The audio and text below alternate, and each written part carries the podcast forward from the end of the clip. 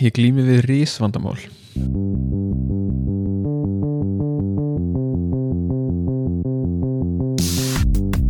Halló er eitthvað að frétta?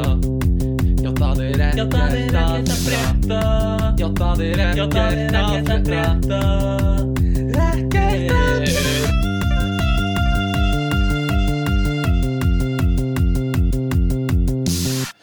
Jæja, ding dong, ding dong Velkomin í fyrsta þátt eftir Eurovision.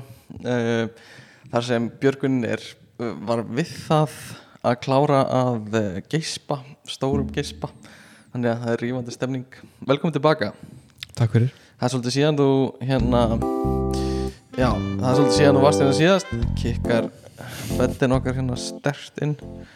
Uh, Já, það eru nokkra vikur. Það eru nokkru vikur þú ert búin að vera í prófum.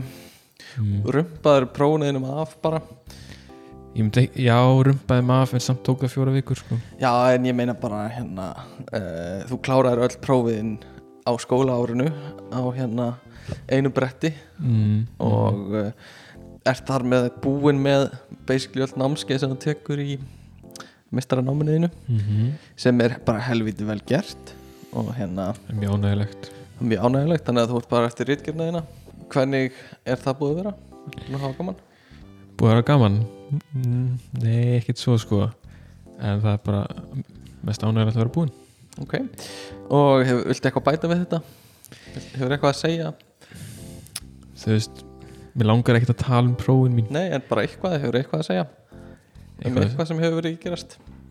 Ég fór í gott partí Ok Og varst að fíla sigurvegaran Ítalíu sem er vist ekki á kokaini Já, Það fyrir að taka það fram svo maður verði ekki hérna Það er þetta spurning hvort að það sé raunverulega niðurstöður. Mm, heldur að Ítalía sé með einhverja svona hérna, já, svona aðeins að, að fiffa niðurstöður Ég, skýtu að putta hvar fór hann í prófið? Fór hann í prófið á Ítali Já. eftir hann kom heim? kom, heim Ég er bara að pæla hvort að Eurovision sé með puttana í sig Þeir það vilja ekki. ekkert fá það upp á yfirborðið að keppindunir sé að nota kókain í græna þetta sko. er eins og þú varst að tala um í frjálsum að þú veist Úsen Bolt hefur aldrei verið böstaðar fyrir mm -hmm. fíknefna nótkun Mm -hmm. og þú veist Olympíu Olympíu hérna leikanir og íþróttadildri viljaði ekkert að hann verði böstaður Nei, það Veist, það verður er mjög slæmt fyrir bara íþróttina sko. Já, Ólimpíu samtöð og Já, allt sko. einmitt, þannig að þeir eru ekkert endilega að hvetja uh, til þess sko að hérna að, að hann verði börstaður eða vilja það ekkert endilega. Þannig að getur það sami í gangi hérna en Það getur verið. við heldum því ekkert fram. Ef við bara leiðum hann að njóta vafans. Já, uh, hvernig fannst þér Eurovision í ár? Mér finnst það alltaf ég hugsa alltaf á hverju ári að þetta var betra í fyrra eða þetta, var, að þetta er alltaf að vera verra og vera Sko ég hugsa alltaf í, þegar, e- e- eða þegar ég Mm. þegar og ef ég horfi á hérna, undankeppninar þá hugsa Mm. ég alltaf djöfull er þetta léleg lög lög, en svo í úrslitakeppnin þá svona ok, þetta er allt í lagi skárra, en þá eru líka kannski aðeins meiri stemning og Einmitt. sérstaklega á Íslandi með Einmitt. Ég hef hugsað svolítið líka undarfærin ár sko, mér finnst enginn af sigurlögunum hafa verið frábær ég var að, undanfærin ár? Já, bara kannski sístu þú veist, nok, já, tíu ári eða eitthvað. Þú veist, það eru þessi lög þannig að eitthvað svona þú veist, eins og Portugalin sem vann mm. ekkert frábært lag. Þú veist, hann er hann er bara hjartveikur og ábátt og þú veist, sem mér finnst alveg valið þú veist, rís, bara svona ástæði til að vinna. En lagið það var ekkert að heilla með það. Hvaða lög voru önnur þarna uh, ég man það ekki. En ég man að ég held ekki með honum sko. Mér finnst alveg fallegt að hann vann út af því. Veist, að hann fekk þessa aðtekli út að ég man ekki að það var eitthvað með sýstir hans líka en svo var hann líka bara eitthvað veikur og eitthvað. Mm. um, þannig Ég- ég skilði alveg. Og svo var Ísraelska lægi sem vann sem var eitthvað I'm not your toy eitthvað svona, mm -hmm. ekkert frábært. Það var ekkert svo fætt um, þetta er svona neikvæðni hónið sem ég ætla að sigla þess inn í. Og þú veist það var eitthvað svona message í gangi þar. Mm uh, ég veit ekki hvort að Ísrael á bara rétt að að hafa eitthvað message í gangi eitthvað svona social justice message þannig að ég svona sett spurningamarkið það en svo var lagið líka bara ekkert frábært. Um, mér fannst það svona þegar ég heyrði það fyrst fyrstu Mm. skiptin þá svona Þú gerði mikið grínaði Ég man eftir því, já að mér fannst það um, eða sko mér fannst myndbandið aðalega ótrúlega Mm. bara pirrandi, uppáþringjandi Ok, uh, en svo vandist lægið og það var svona ok, ég skil mm. af hverju þetta er vinsalt ég meina Mhm. það var alveg ágætis svona uh, krókur Já. í því sko Já, ok mm. Það uh, þá minnir mig það ár að ég hafa haldið með einhverju öðru lagi um, en svo líka hérna hafa verið svona svona meðalög sem ég hef ekkert rosa mikið fílað Mons var bara svona popslagari. Já, já. Svíþjóð þegar Svíþjóð var fyrir nokkrum árum. Uh, Phoenix fannst mér ekkert frábært. Mér fannst það Uh, besta lægið allavega það árið held ég. Ég man svo sem ekkert hvað önnur voru mér, veist- mér fannst það helviti töff lag. Sviðsetningin var flott. Hún var fín að syngja en mér slæði bara svona meðal.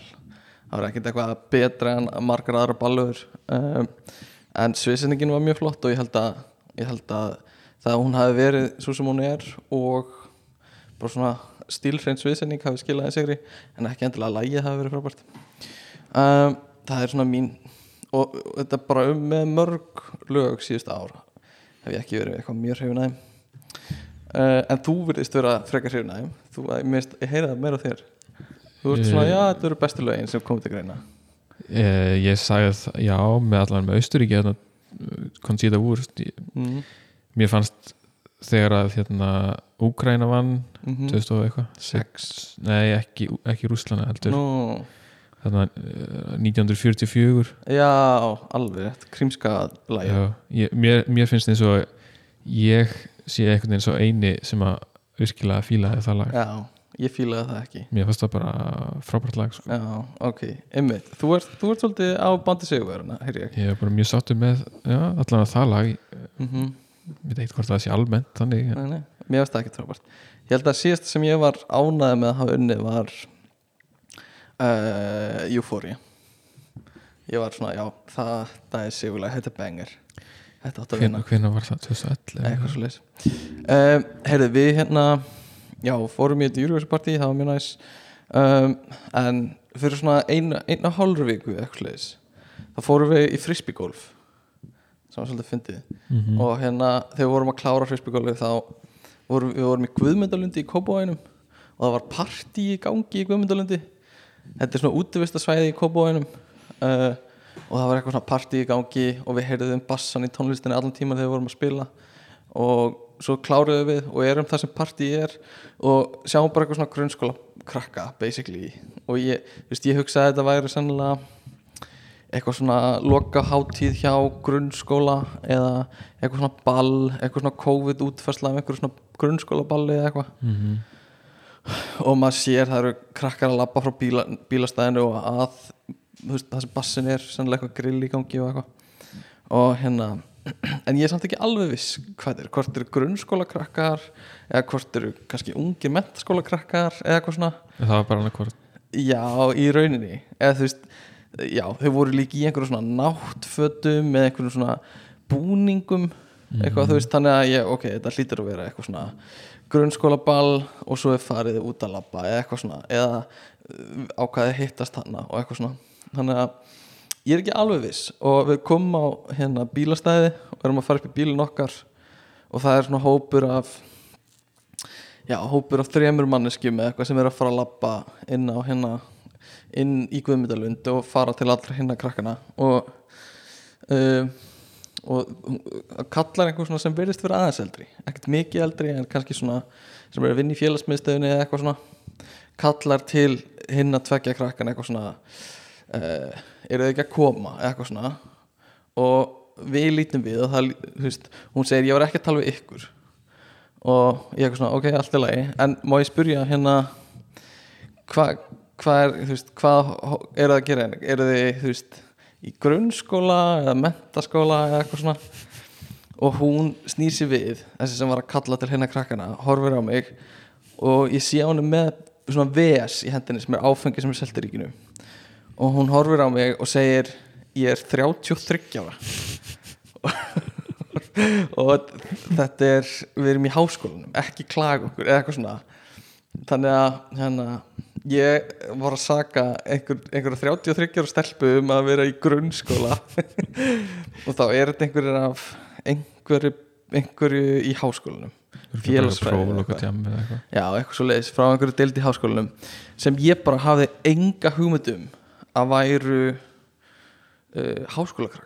Ég var bara legit held að þetta væri grunnskólakrakkar Já, sko. svona úr fjarlæðinni þannig að en svo, þegar maður kom bílastæði og þau voru, voru að drekka áfengi þá svona Já. ok, það get ekki verið grunnskóla krakkar en, en framhaldsskóla krakkar sennilega en þú veist, svo sá maður hana og hún var með áfengi hendinni og hún lúkaði svona þú veist, hún lúkaði bara, hún var bara sætt stelpa og lúkaði bara svona frekar ung þú veist, sennilega svipið við yngri hefði ég búist við og hérna og ég hugsa, ok, hún er hún er öruglega í félagsmiðstöðinni einhverju mjög skrítinni félagsmiðstöð þar sem áfengi er leift yfir í, í einhverju grunnskóla. Af því hinn er krakkanir, ég var bara, það er annarkvært mentaskóli eða grunnskóli. Og hún lúkar of gömul til að vera í mentaskóla mm þannig að þetta hlýtur að vera félagsmiðstöð grunnskóla. Þar sem að leiðbyrnandinn er með áfengi. Já, það sem leipinundur með áfengi eh, sem er alveg svona grunnskóli sem, sem hefði verið skemmtilegur að fara í sko. en það líka baðun, baðun okkur um að klaga ekki Mm. eða þú veist, Já. eitthvað svona og sagði ekki klaga sem, sem alveg svona hljómur eins og þetta sé einhver sem vinnur í félagsmiðstöðin að beða einhvern um að klaga ekki já, uh, sem við náttúrulega gerðum strax ringdum á laurugluna uh, en nei, nei, hver, hver myndi klaga hversu leðilegu þarf það að vera til að klaga eða þarf það að vera eitthvað leðilegu, myndið þú klaga?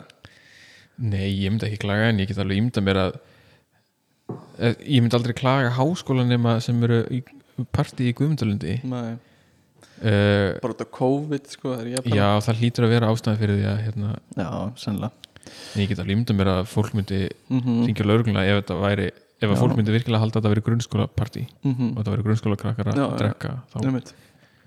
En hérna mm, Já, ég var stoppar í löggunni í vikunni Nú.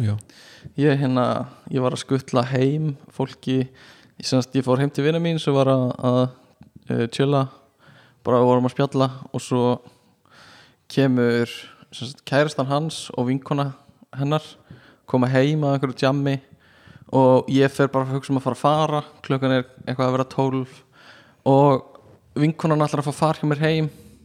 Þannig að en veist, þær eru á einhverju trúnói og ég enda því að þurfa að býða í eitthvað klukkutíma rúman eða eitthvað svona.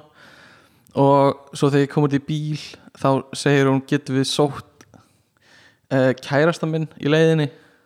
Og ég eitthvað svona, ah ok, fuck it. Þú ert bara leigubílstöru Já, basically. Og þegar við erum komin fyrir utan hjá þar sem hann var í einhverju partíi þá koma þrýr strákar niður. Þannig að ég þarf alltaf að skutla þremur gaurum heim. Uh, og þessari vinkonu hérna og hérna og svo er ég, byrja ég að kera heim og komin fram hjá háskólanum þannig að þú veist, út úr vesturbænum ferð og niður fram hjá háskólanum veist hvað ég er að tala um mm -hmm. uh, ég man ekki hvað ringbröðin eitthvað sliðis Mhm. og uh, þá, ég, þú veist, ég er ekkert að fara hratt ég er að fara bara þú veist, 60 kannski 60 og eitthvað Mhm. um, og þá kem, koma bláljós ég held mögulega að sé nýbúið að vera breyta umfyrirregluna þarna. Ég, ég veit ekki hvort sé búið að því. Nei, en það var einhver umræð um það. En það á að setja hámarsanir í 40 Eit, já, eitthvað svo leiðis en hérna, ég var, veist, ég var ekki mikið yfir 60 ef ég var yfir 60 mm. hann að hún stoppa mig og hérna þú veist ég var með hettuna uppi. Ég veit ekki hvort hafði haldið að ég væri bara fullur að keira eða eitthvað. Mm -hmm. og þetta var svona lögga á hérna biffhjóli og uh, hún stoppar við hliðin á, á glugganum mínum og bankar, ég hef aldrei verið stoppar á löggun þér Mm og hérna ég skrúa niður, heyri ekkert hvað hann er að segja. Þannig að ég beði hann um að endur taka sér svona fjóru sinum af hverju, var hún með grí eða hvað, af hverju ég, ég, ég veit ekki, það var eitthvað tónlist í gangi og eitthvað, en ég bara heyrði ekki hvað hann sagði sko. þannig að hún sagði eitthvað svona og ég segi, hvað segirðu? Hæ, fyrir ekki? Fyrir ekki, ég heyri bara ekkert hvað það segja. Og svolítið þess að ég sé bara dissa hana um, og svo heyri ég hvað hann segja, það var ekkert merkilegt bara eitthvað, góða kvöldið eða eitthvað svona. Þannig að ég bara eitthvað, já, góða kvöldið. Og svo segir hún þú tókst svolítið hratt af stað. Uh, sem ég veit ekki alveg hvað þýðir. Þú veist, þýðir að, að ég var að keira hratt eða bara hröðunni mín var of mikil upp í hámarsksaðan af því, þú veist ég var ekkert mikið yfir hámarsksaða ég var á ramagsbíl sem fer svolítið hratt á stað en ég hef aldrei heyrtu lög um að hröðun bíla með ekki vera ákveð mikil. Nei, ekki heldur sko. Mm, svo rétt ég hann aukaskýrtinu mitt og hann eitthvað svona ég nenni ekki að skrifa með það. Og ég eitthvað, ha, ok ég nenni ekki að skrifa með það. Og svo eitthvað svona, þú passar þig bara í framtíðinni. Og ég eitthvað, já, já ég, veist, ég vissi ekki eins og fyrir hvað hann ætlaði að sekta mig, sko. Hvort það var fyrir ofraðan akstur eða fyrir að taka og hratt á stað. Kerður þú fram hjá einhvern nei, nei, ég held, eh, ég tók allan hann ekki stíl ringtorkinu veit ekkert hvar hann var eða hvernig hann komst baka mig. Um, Gæti náttúrulega verið að var, Hvað varstu með marga í bílnum? fimm, eða fjóra. Það eru all, öll sæti full. Já, það gæti alveg verið að hann hafi haldið að það væri með ofmarga í bílnum og svo séð að þú varst ekki með ofmarga og þá bara, sagt eitthvað? Já, eða bara þú- já, Á, það gæti verið. að það sé bara það sem hann Mm. segir veist, það getur verið. Uh, ég sagði líka eitthvað svona við hann að hann sagði eitthvað, þú tókst úr hratt á stað. Og eitthvað svona, þú veist að það er eitthvað, Hámar sagði hérna eitthvað, ég man ekki. Og ég sagði, já, það er rétt þér. Og þá fór hann bara eitthvað svona með attitude, bara eitthvað, ég veit að það er rétt hjá mér. Þess vegna sagði ég það, ég er að vinna við þetta og ég eitthvað, hvernig, hvernig ámar að vera kurtis úr lögguna ef að þú veist, hún tekur öllu eitthvað sem eitthvað svona þú þarfst bara að vera undirgefin. Já, bara, bara, já, herra minn, það er rétt sér en þá verður það tekið sem eitthvað svona sem eitthvað svona attitude líka. Þannig að ég var bara að reyna að vera kurteis og bara, já, það er rétt sér ég veit að það er rétt hjá mér. Ég vinn við þetta, eitthvað svona uh, sem bara fínt. En allana, svo fæ ég auðvitað mitt aftur, hann segir, ég nenni ekki skrifa með það. Sem ég fatt ekki alveg, er það vesen örgulega, en ég er bara mjög þakkláttur að fá einhver sagt en það, ég meina þú varst örgulega ekki að gera neitt ólöglegt. Ég allan að veit það ekki. Og ef ég var yfir hámarsaða þá var ég ekki mikið yfir 60 örfáa kilometra uh, samkvæmt mæli. Um, allavega og svo byrjar hann að kæra á stað. Og kærir hraðar en 60 á stað. Sem er ógíslega fyndið. Þú veist, þá passaði ég mig að fara ekki yfir hámarsaðan Já. og var bara undir honum. En hann var bara vel áfram að fara fram á mér.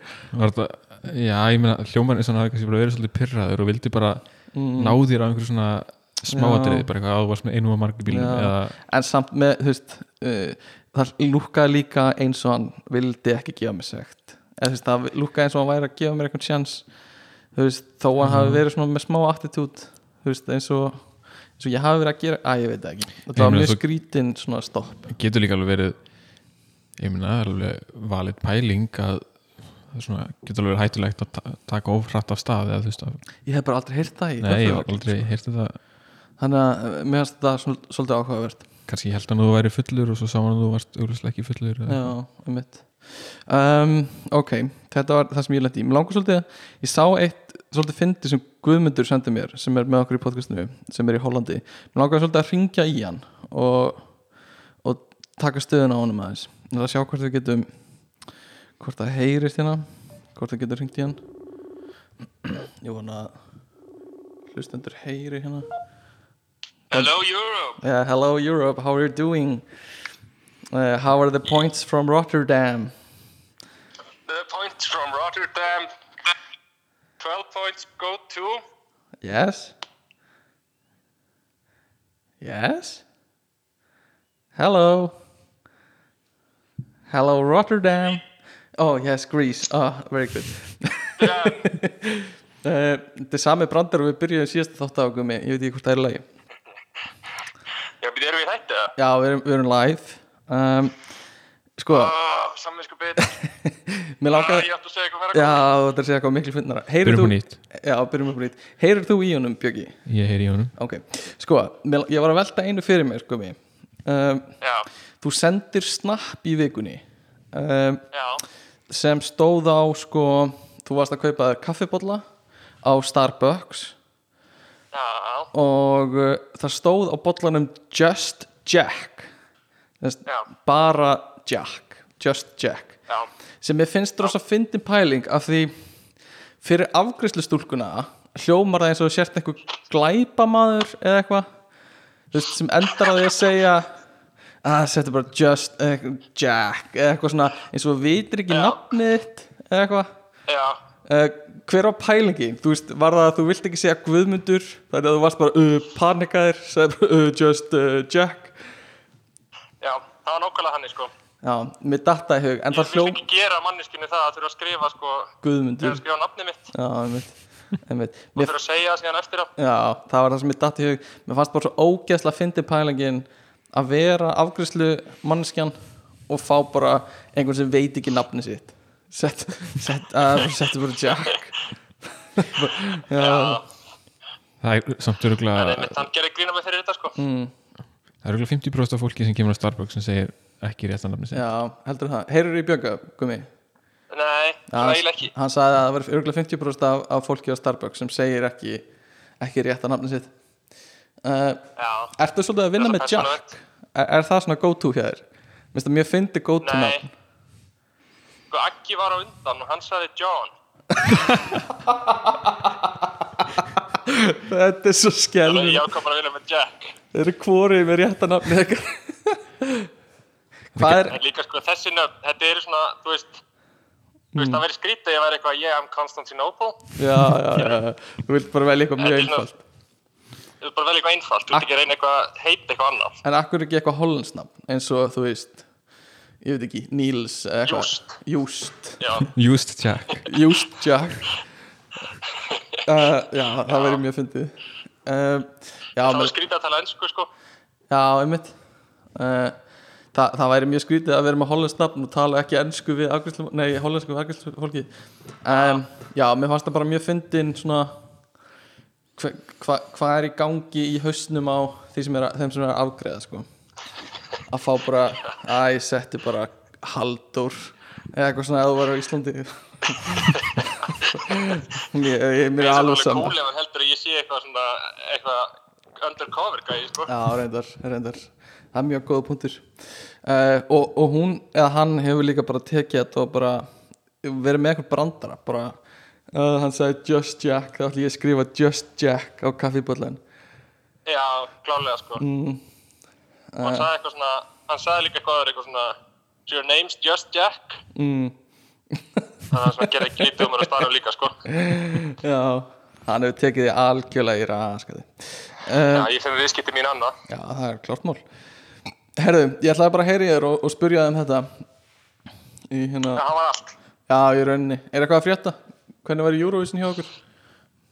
Herðu, við fórum kýfendur Rotterdam Já, ég heyrði það. Beint á höfustöðunar. ekkert að frétta flug okkur út til Rotterdam Já, ha? ekkert að frétta podcastið Já, já, já. Þeir, við, við, við rættum með já, já. Þeir eru útsendarar okkar. Þeir eru hérna með puttan og púlsunum hjá okkur í Rotterdam. Hollandi. Fréttarítarar í Holland, Hollandi. Fyrir hönd ekkert að já. frétta. Og þetta mitt eftir að milli fara en við ræðum það setna Já, já, það er engu, engu sparað hérna, engu til sparað. Um, þannig að hérna, þið fóru til Rotterdam, komið svo aftur heim þegar Eurovision sjálf var í gangi. Já, Hvernig var stemningin í Rotterdam? það var bara voða lítil bara í eiginlega engin júrusinstemming Vá, hvað það er fyndið. það var bara svona bara stemming Já, en ég get mér að sé bara alltaf einn stemming Einmitt. Ég var að hugsa svolítið þegar Eurovision var í gangi það voru alltaf einhver svona drónaskot og eitthvað af höllinni og eitthvað svona rosa epic svona hérna slow motion fullt af ljósum og eitthvað. Ef þetta væri á Íslandi það væri bara það sorglegast í heimi. Það væri bara eitthvað vesturbærin já, já, en keppnin þyrfti að vera haldin í, þú veist laugadagshöll eða hérna í dalnum í eigum eða eitthvað. En drónaskotið væri alltaf á hörpunni. Það sem væri ekkert í gangi Nei, ok, en sko Eurovision í brekkunni í eigum er frábær hugmynd. Er það ekki? Mér finnst það fucking góð Já. hugmynd sko. Ég væri, ég væri mikið til í að það er líka ein, það er einu staðar sem geti rúmað þannig fjölda sko. Og það væri algjört svona sérkenni. Eini gallin er að það er mögulega helviti kalt uh, í mæ í Já. brekkunni Mögulega. Uh, en ég meina fyrir utan það það er líka bara hægt að kaupa fullt af hitalömpum það hefur aldrei Það stoppað er komin ástæði fyrir okkur að senda inn lag.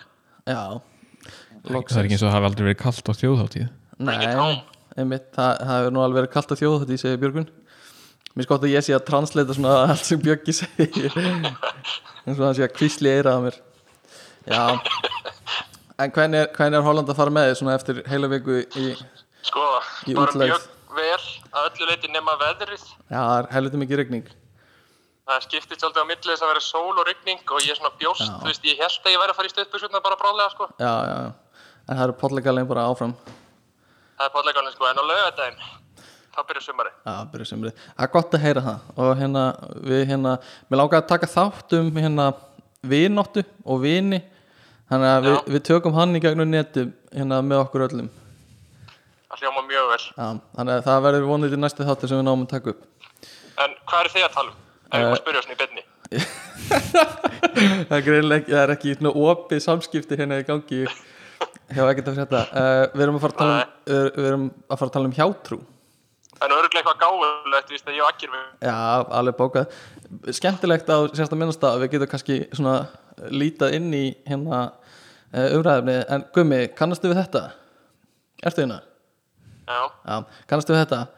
I'm not superstitious, but I'm a little stitious. Kannastu við þetta? I'm not a superstitious I'm not superstitious, but I'm a little stitious Ekki?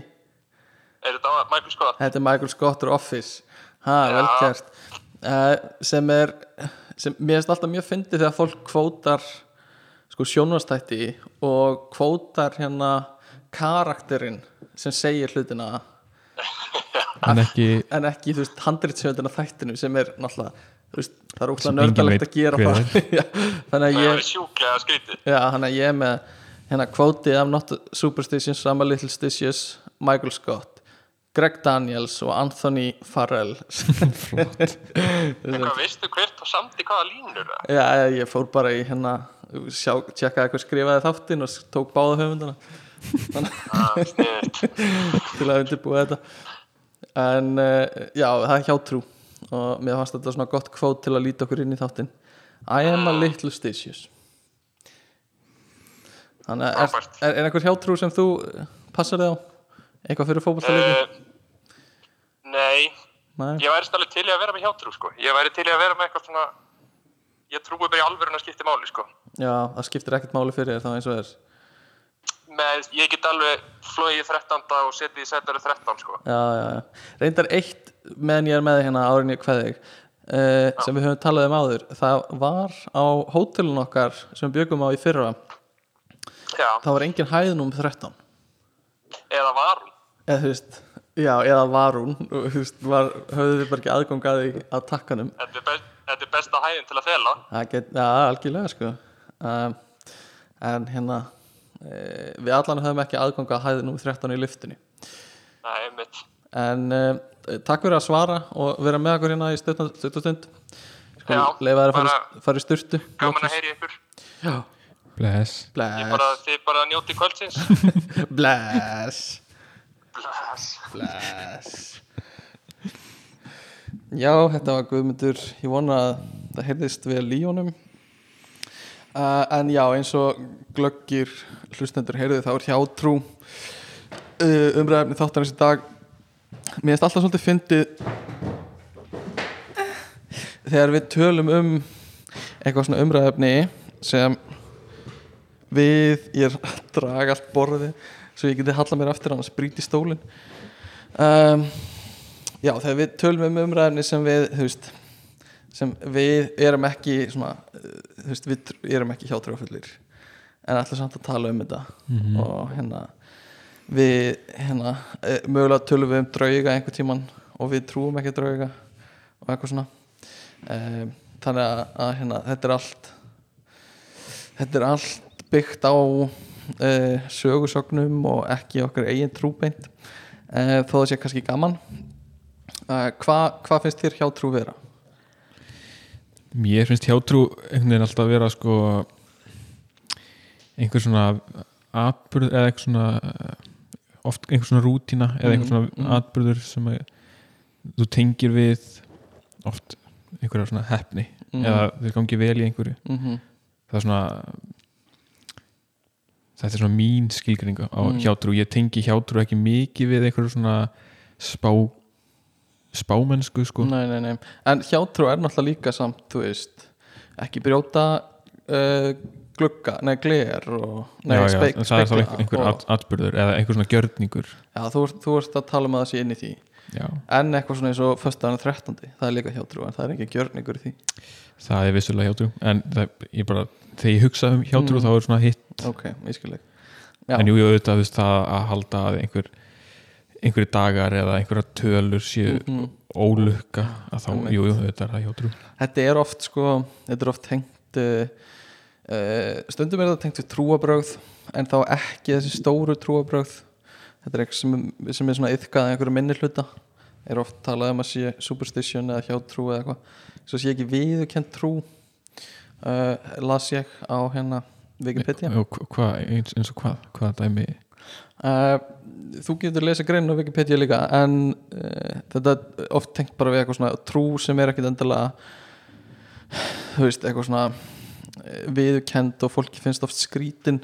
Kannski kristi fólk sem finnst einhver, einhver eitthvað svona ég trúi á hérna að á karma sem margir bara svona yfka svolítið sem trúabröð eða eitthvað. Mm, og þeir nota kannski bara að þetta er bara eitthvað superstition eða er ekkert viti í þessu. Mm þó að þau trúi kannski einhver önnu trúabröð sem eru Mhm. meira svona skipulögð og þú veist það eru eitthvað fleiri dæmi en karma en bara svona eitthvað er þetta ekki bara eitthvað svona vittlisu trú sem, Mhm. hérna, uh, sem er bara svona já, ekki, ekki svona eina af þessu stóru trúabröðum um, en, en já svona kannski algengast það er þetta sem þú varst að tala um áðan þetta, þessi svona hef, hefðbundnu uh, hjátrú er einhver gjörð sem þú gerir og þá skapar þér ólukku eða lukku eða, eða hennar eða eitthvað svona, já, hræðsla við eitthvað Mhm. og oft er það tengt sko e, þú veist, hræðslu við að eitthvað komi fyrir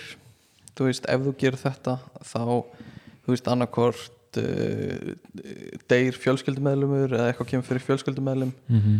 eða þú upplifir ólöku eða eitthvað slags uh, og þetta er náttúrulega á sér enga stóði í raunveruleikan uh, ertu samt viss? Uh, allavega hefur ekki verið hægt að sanna neitt með uh, svona, já, svona empirískum gögnum um, með vísindalegu hérna, aðferðinni. Þannig að við getum ekki svona, við getum ekki gefa út vísindagreinur um þetta. Nei, það er svolítið erfitt. Sem er hérna kannski svona það fyrsta sem maður myndi gera til að reyna að sanna þetta er að gera einhver svona rannsókn og reyna að gefa eitthvað út. En máli er að sko vísindatímaritin mm. þau, þau vilja bara ekki gefa þetta út. Nei, já, það eru Þa, samsæri það er fullt af fólki búið að gera alls konar rannsóknir. Er það bara, þetta er þetta er bara samsæri. Já, þetta er algjörlega. samsæri. Um, en það sem er, þetta er oft já, tengt við uh, slæma hluti. Mér finnst það oft er tengt við slæma hluti. Já, það eru sumir hlutir sem eru tengt við góða hluti eins og fjörulega smári mm uh, og þú veist knock on wood og eitthvað svona -hmm. sem að, einmitt að gera öfugt við slæma hluti en en það, nokkun út er meira svona komið í veg fyrir Já. eitthvað slæmt því að þú það ekki einmitt, þá verður það slæmt mm Mhm. þá kemur eitthvað slæmt fyrir það er svona að ve- verjast sko. uh, en oftast er þetta eitthvað svona ef þú gerir þetta þá gerist eitthvað slæmt eða oft er líka sko ef ég gerir þetta ekki alltaf ef ég, þú veist, læs ekki hurðinu minni sjösunum eða það er svolítið OCD já, kannski það er ekki beint hjá trú sko. en kannski ef, veist, ef ég fer ekki þessa treyju á leikdegi Mhm. þá gerist eitthvað, þá tapa ég leiknum eða gerist eitthvað slemt um, en það sem ég finnst oft tengt við þetta er sko heppni. Já, og það er einhvern veginn sko þetta þú veist uh, ef þú gerir þetta þá færðu óheppni í einhvern ákveðin tíma mm en hva, veist, hvað er heppni? Erst þú með góða skilgringu á heppni bara? um, ég hef alveg velt hefni svolítið mikið fyrir mér sko. Mhm. ég ég myndi segja hefni sé það einfaldlega þegar að atbyrður sem að er ólíklegur Mm, kemur fyrir þig mm, og kemur til góðs mm -hmm. Já, já, þá, þá er það hefni Mhm. þú veist, ef að atbyrðin er algjörlega slempin já, já, einmitt. Og öfugt þá ef hann alveg eins nema hann er þér til ógóðs já, þá er það óheppni. Já. Eh, og atbyrðin þarf að vera slempin þetta, mm, þetta má ekki vera eitthvað sem þú mm, hafðir einhverja stjórn á. Er þetta eitthvað þú veist, er þetta eitthvað Hef, þú veist, trú, er heppni til? Þú veist, er það eitthvað ég, sérstakt eða er það bara, þú veist basically skilgreiningar aðri þú veist, ég myndi segja að þú getur verið heppin mm. þú veist, í eitthvað eitt skipti. Mm bara eins og uh, jú, jú, það er náttúrulega skilgreiningadrið en ég myndi segja eins og að þú vinnur lottó -hmm. þá myndi ég segja að þú hafi verið heppin bara bara út af því hvernig ég skilgreini það að vera heppin ég tengi það bara við einhvern einn atburð. Mm uh, þannig að þú vinnur lottó sem er algjörlega í rauninni slembið eða allavega þú hefur engin áhrif á það. Já, það er bara einhver uh, einhver annar sem tengist þér ekki neitt. Þannig að ég myndi segja að það væri 100% slembið. Einmitt. Að þá ertu heppin já, eða réttar þess að þá varstu heppin í það skiptið. Já, en ég hef bara ég myndi ekki segja að það sé einhverjar manneskjur sem eru heppnar manneskjur. Nei, bara svona, bara svona eðlis, eðlisfari heppin Einmitt. Það er uh, svona sannulega já það er bara þannig. Uh, nema hápin heppni í nema hann- það er eina undantekningin. En uh, uh, mynduru mynduru vilja vera mjög heppin í lífinu?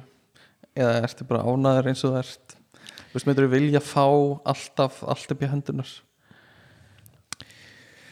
um, ég veit það ekki það er náttúrulega alveg gott að þurfa að vinna fyrir hlutunum. Mm -hmm. en heldur að, þú veist, já líka bara það sem ég er að tala um er heldur að, að þú verður ekki svolítið leiður að því að þurfa aldrei að vinna fyrir hlutunum og, já, ég, ég það. og þú upplifir aldrei einhver svona það að afreka eitthvað ef þú ert alltaf bara svona permanently heppin en það, en það eru samt ekki svo fáir atbyrðir sem eru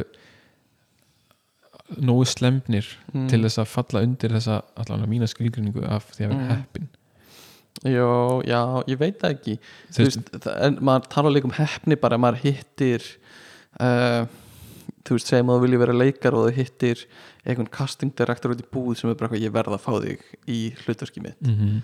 það er heppni er, Og- en, það var það kannski einhver leiti nógu slempið því að þú hafðir ekki áhrif á hvað hann var að gera þann daginn. Þannig að, að þú myndir bara alltaf lendi í því og einhvern veginn slýsast á toppin þannig að þú áttir ekki nei, þátt í því. Um, eða mikla vin, læður ekkert mikla vinnu í það. Já. Um, það er röglega ekkert frábært sko. Nei, kannski ekki, kannski er það næs. Kannski hendur það sumum líka og sumum ekki uh, mannst eftir einhvern skipti sem varst heppin þú vannst eitthvað teningakast sem þú helst að vera ómögulegt eða þegar þú uh, vannst eitthvað, eitthvað bingo eða eitthvað ekki, ekki eins svona, ég man ekki eftir einhverjum stórum atbyrðum, ég hef Nei. alveg unnið vinninga í einhverjum Mm. leikjum og Ég man einu svona vann ég edrúpottin í MR Það er minn uh, stærsta hefni þessi ég hef alveg unnið einhver haptrætti og eitthvað drast Mhm. en aldrei eitthvað svona líkingu við lott og eða neitt þannig sko. Stundum finnst manni eins og sama fólki sé alltaf að vinna eitthvað er það, er það eitthvað svona survivor bias þannig að þú veist þú tekur alltaf eftir í eða ég veit ekki, kannski tekur það þátt oftar ég, ég, ég, er, það meina kannski eins og í bingo það er einhver Mm. vinnur oft mm. Það er svo sem alveg eðlilegt að í bingo sé einhver sem að Mhm. eigi þann möguleika að vinna oftar en hinnir og þá kannski, ef, ef það gerist einu sinni að þú spilir með segjum þú spilir með mér, Mm. bingo og ég vinn kannski eitt skiptið bara Mm. þrísvar eða fjórum sinnum í sama, mm sama kvöldið og svo alltaf þegar við fyrir mig bingo og þá myndi alltaf tengja það það að ég sé alltaf svo heppin í bingo. Þó Já. að ég eftir þetta eina skipti vinni bara jafn oft og allir aðrir já, þá samt hugsaður alltaf þegar ég vinn þá tekur ekstra eftir því þegar ég vinn. Já, já, einmitt. Uh, sko, já, hefni en þá að þú, að þú gerir eitthvað slæmt nei, að þú gerir eitthvað hérna sem, sem fólk, hjátrú fólk, fólk vil ekki að þú gerir, þá verður þú óheppin þannig að þá fyrir alltaf snúast þér í óhag. Mm. mm, uh, hefur einhvern tíma fundið fyrir mikil óhefni í lífinu þínu? um, svaraði nei, við skulum ekki tuksa það lengra. um, ok, en mér finnst oft sko yfirnáttúrulegt og spádómar og galdrar, það getur líka tengst svona hjátrú. Það er þetta hérna uh, veist, það er kannski ekki ekki einhver svona skýr skilgrinning á því en mér finnst það svona, mér finnst það keimlíkt allavega. Þessi trú á eitthvað sem meikar ekki alveg sens og uh, já, veist, spátdóma finnst mér geta verið af því hjátrú er líka oft tengd við sko örlög og Mhm.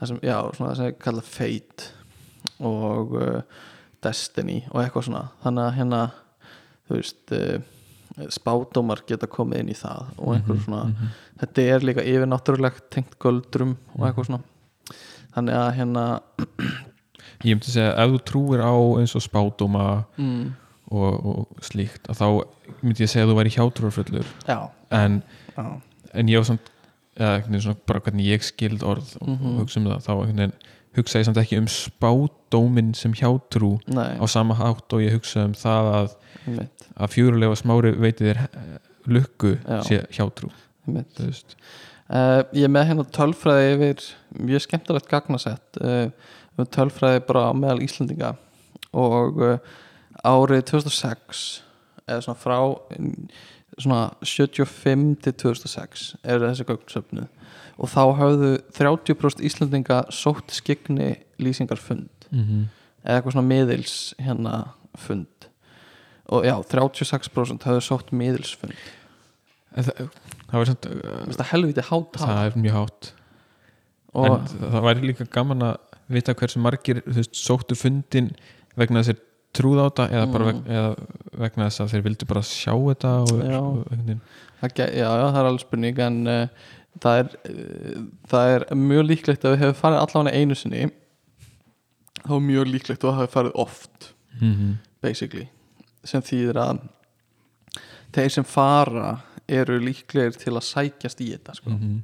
þannig að það eru fáir sem fara bara einu sinni sko. Mhm. sem er líka svolítið áhugavert sko. uh, og uh, uh, þegar spurningin sem er spurði er hefur komist í samband við framliðin karl eða framliðina konu á miðilsfundi?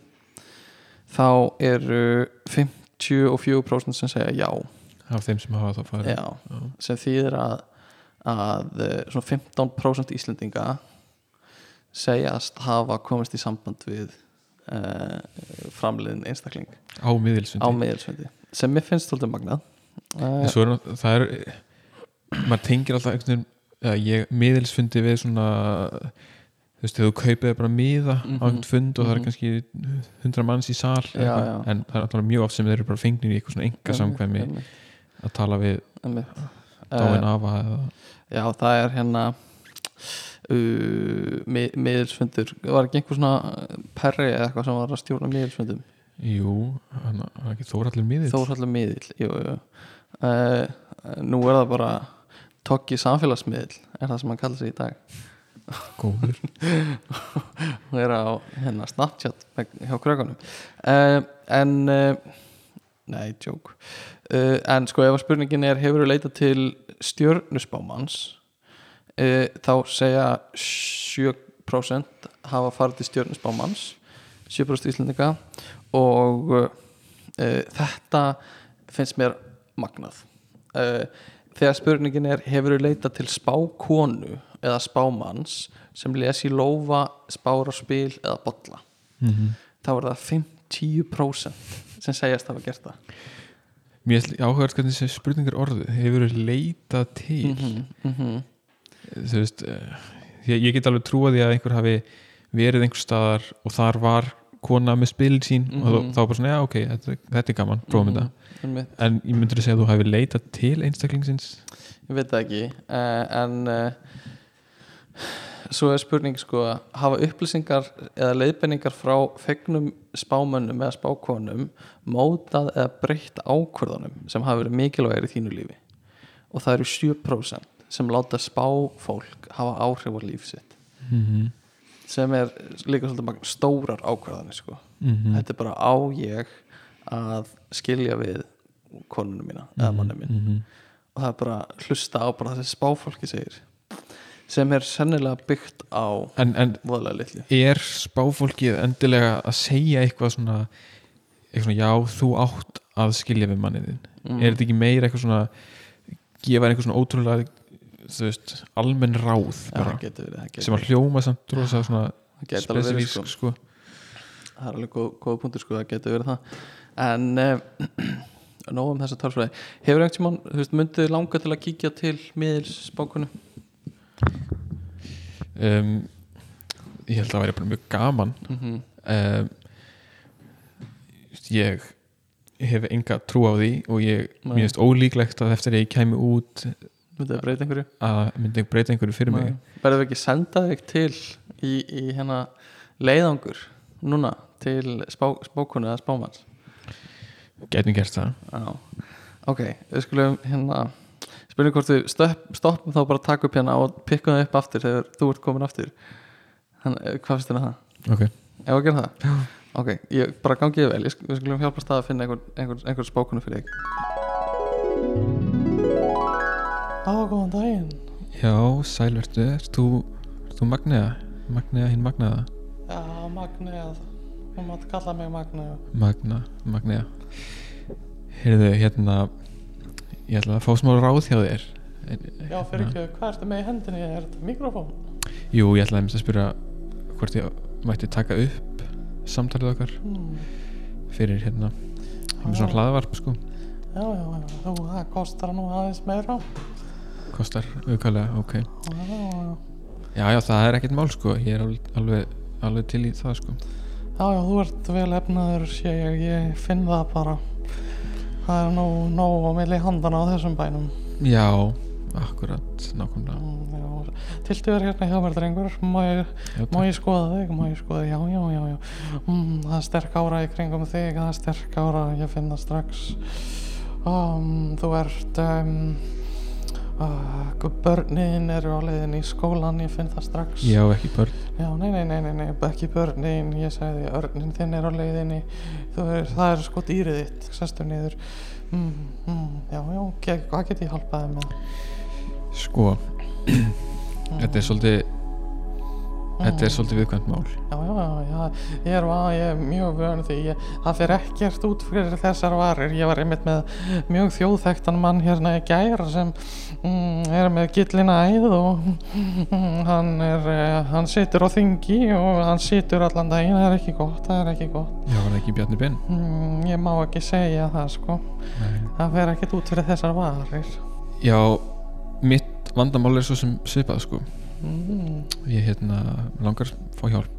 Mm. eða bara svona hvort þú sjáir Ég sko sé- ég eitthvað svona í Ég sé framtíðinni. það, ég sé það í framtíðinni. Um, mm, Já, já, já ég glými við rísvandamál Rís, rísið á þakkinu á húsinu er grátt. En nú er það svart sko. Já, já, já, rísvandamál Já, uh, farðu að, já, já, farðu að þess að fjóra fætur og leiði mér að sjá. Fjóra fætur? Já, svona.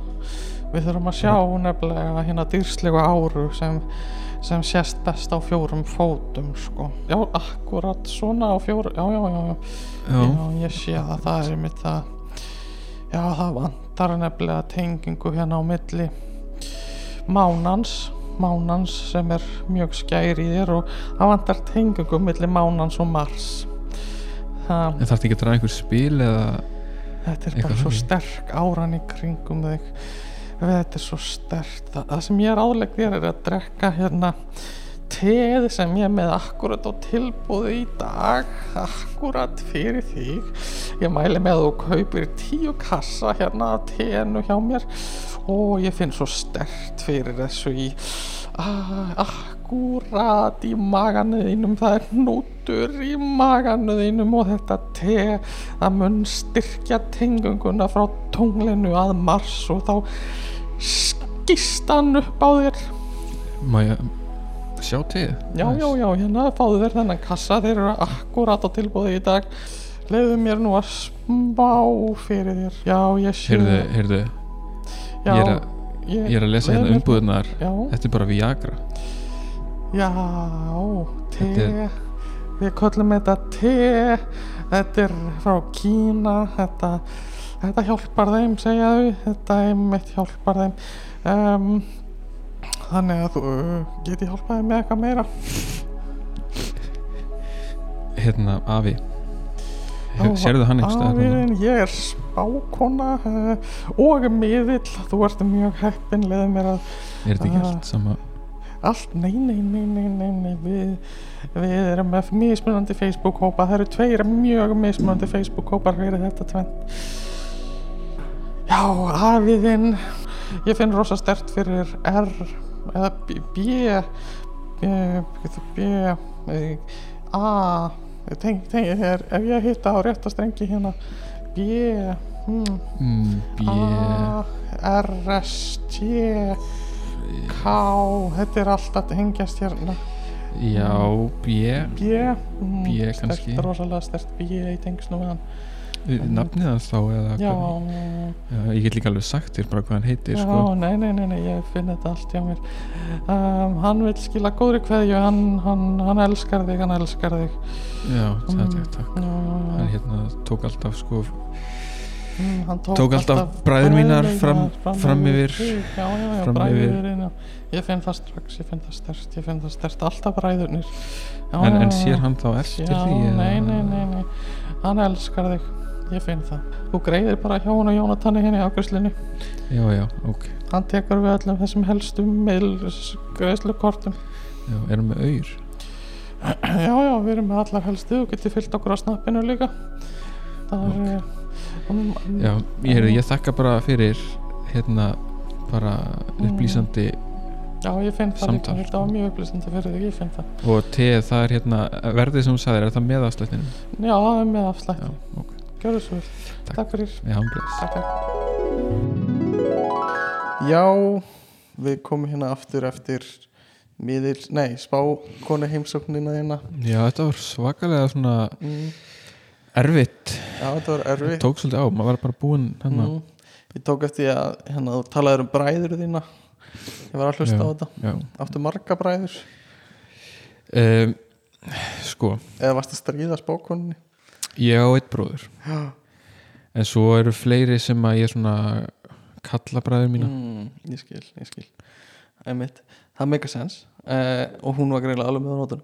já, hún, hún, hún var mjög Mm. sá þetta allt bara sá þetta allt sko, in tune alveg klálega uh, ég var að pæla, eh, hefur þú einhvern tíma verið með eitthvað hjátrú eitthvað svona öruglega tengt íþróttum ef ég ætti að giska um, já mm, já og samt veist, ég, svona ég veit líka alveg að þú ert ekki að fara að segja já, ég trúði því af því þú veist, þú ert ekki þannig típa en bara svona eitthvað sem er í áttina hjátrú sko þegar, þegar, ég var, þegar ég var bara barn mm. þá trúði ég alveg en aðalega, þú veist, ok, ég, trúði bara á Guð Mm.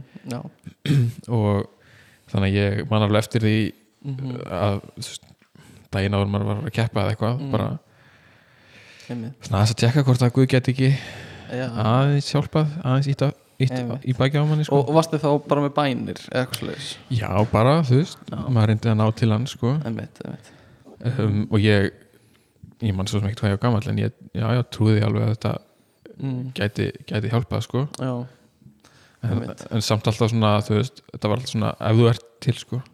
já, bara ef þú ef, ef, ef já, það bara er- svona, þú veist, þú veist ef þú ert til þá væri mjög næs að fá já, smá aðstofa núna.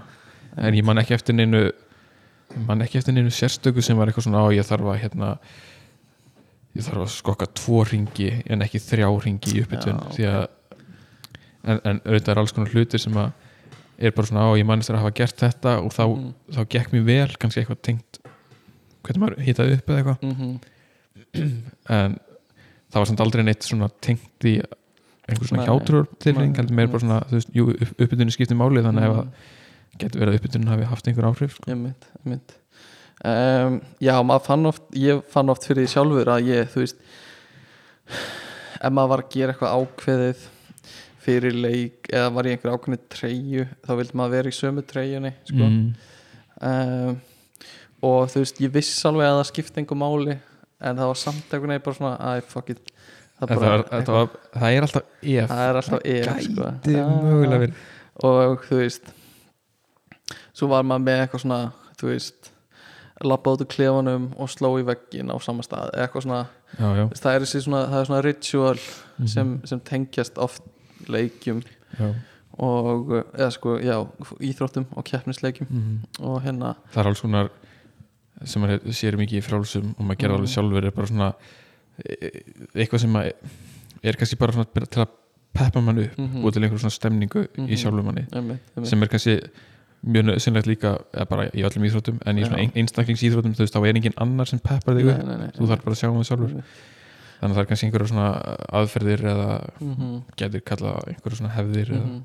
það hefur verið gerað rannsóknir á þessu sko, tengdu sérstaklega íþróttum uh, einhver svona hjátrú þú veist, ég þarf alltaf að vera með keðjuna mín á mér og ég þarf að kissa hana eða áður en gengur um völlin eða ég þarf að gera þetta, þetta, þetta ef ég, ég má ekki sofa hjá áður en á leikdegi eitthvað svona bla já. bla og þú veist, það náttúrulega hefur ekkert verið sínt fram á þetta skipti máli nema bara þú veist, þetta er þessi rútína Mhm. sem hjálpa fólki og það oft róar taugarnar Mhm.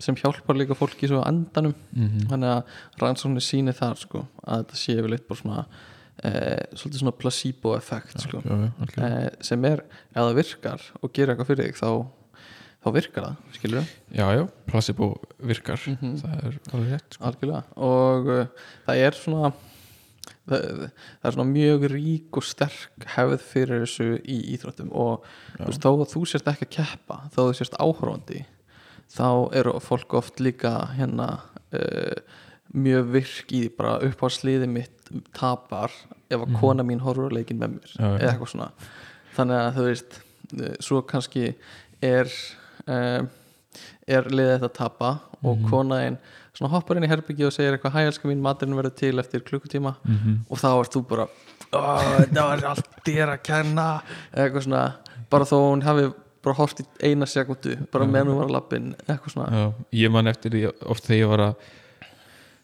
þegar ég var að horfa hérna ég vil taka fram að, ég vil samt taka fram að ég hef ekki svona hérna hjátrú á íþróttalegi Nei, sko ég, ég man eftir því þegar þegar ég var að horfa á hérna NFL-deildina mm, og ég var að fylgjast með liðinu mínu og maður horfði stundum á hérna, uh, horfði á leikina eða Mm. stundum slefti maður því. Mm og maður hugsaði á svona hérna, þú veist, þeir unnu kannski vikunni áður mm, og hérna og maður horfði ekki. Mm.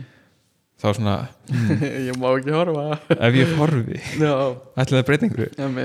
Ég, sem það augljóslega gerir ekki, ekki sko. en þetta er samt svo fyndin bara þessi Mhm. hugsun komið upp. Ég er bara alveg sama með veist oft eh, eins og ja, þegar Ísland er að keppa í handbolta eða eitthvað mm þá horfi ég stundum og fer svo og kem svo að horfa aftur.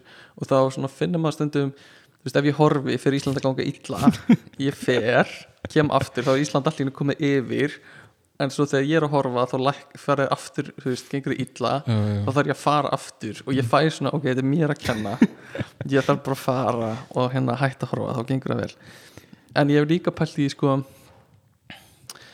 uh, getur það haft áhrif þú veist, að því leiti að getur eitthvað sem ég geri heima hjá mér í byrjunleiks einhvern veginn svona butterfly effektað allaleið yfir í veist, bandaríkin eða eitthvað á 90 mínútum.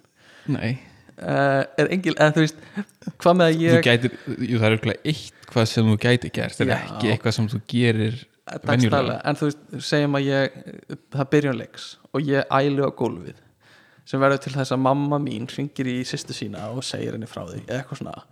Og sýstir hennar eh, er að fer svo að tala við eh, veist, dóttu sína sem er út í bandaríkunum sem er að hjóla og rekst á eh, þú veist, ljósastöður og skýst á hjólunu sem, og það er kallað á sjúkrabíl og eitthvað svona eitt leður að öðru. Þannig að það uh, í lokinu leiknum er einhver sem þú veist öskrar go team í staðin fyrir team go sem svo, þú veist, hefur áhrif á leikin um,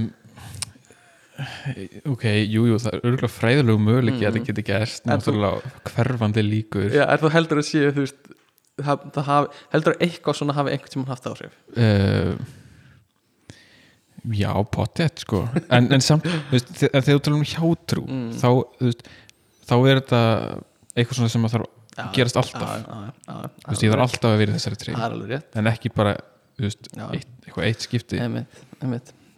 Það er alveg rétt sko uh, en ég var að pæla uh, ertu með sko ég er með smá svona lýsing, upplýsingar fyrir svona þrjár algengar hjátrúr og svona er líklegt að þær hafi byrjað um, ef við förum yfir það sko uh, eins og uh, förstu daginn 13.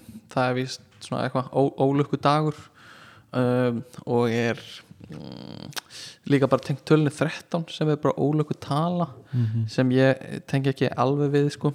En margir sem vilja bara ekki nota 13 í neitt eins og flugvilar sem er, sleppa sætar fólk teng, tengi fólk ekki bara við þetta vegna þess að þetta er einhvern veginn búið að vera endalust eða þetta er bara einhvern veginn svona saga. Jó, jú, sannlega en uh, sko það er alveg voðalega fáir sem hafa raunverulega lendi í einhverju um, tengt 13 Já, það er alveg spurning sko, uh, Föstudagur 13. Uh, kemur upp allan einu svona ári Mhm. er eiginlega alltaf þannig eða það er alltaf þannig og getur komið upp þrísvar ári sem hann gerði hérna 2017 þá kom hann upp þrísvar ári uh, februar, mars og november það var mikið ólöku ár uh, og alltaf við þar ef mánuði byrjar á sunnudegi er föstudagur 13 Mhm. þannig að það eru sunnudagsmánuðinir en uh, sumir, þú veist, telja að fyrstadagur 13. Uh, tengist eitthvað síðustu kvöldmáltíðinu hjá Jésu og krossfestingunni þú veist, það voru 13 einstaklingar sem voru viðstattir uh, síðustu kvöldmáltíðina og uh, þú veist, það var kvöldið fyrir fyrstudaginn langa og eitthvað svona, fyrstudaginn 13. tengdi, svolítið langsátt að spyr mig Já, um, og svo eru margir sem vilja meina að þetta tengist eitthvað hérna uh, sem sagt Knights Templars sem sagt Góð Templar, er ekki er góð, nei, ekki nei, Templarar rittarar eitthvað, hérna á miðöldum 1307 eða eitthvað slags og uh, musteríksritararnir eða eitthvað. Já, og þeir byrju að hérna uh, já, þeir byrju hvað hva heitir þetta aftur? Það segir hérna krossferðinar Já, krossferðinar Þetta tengist held í krossferðinum og þeir byrjuðu fyrsta dagi 13. Uh, og svo er líka verið að tala um að hérna uh, einhverju guðir í hérna norræni góðafræði voru 13 og eitthvað tengt loka að loki hafi hérna uh, komið sem 13. gestur í eitthvað svona partí hjá þeim og þannig að það er svona það sem er 13 tengt við 13 og svo er einhverju fólk sem dó 13 einhverju kongar og eitthvað. Og svo var eitthvað fall á einhverjum stock market í, í 1907 fyrstæði 13 þannig að þetta er byggt á miklum brauðfótum að mínum að það er svolítið mikið.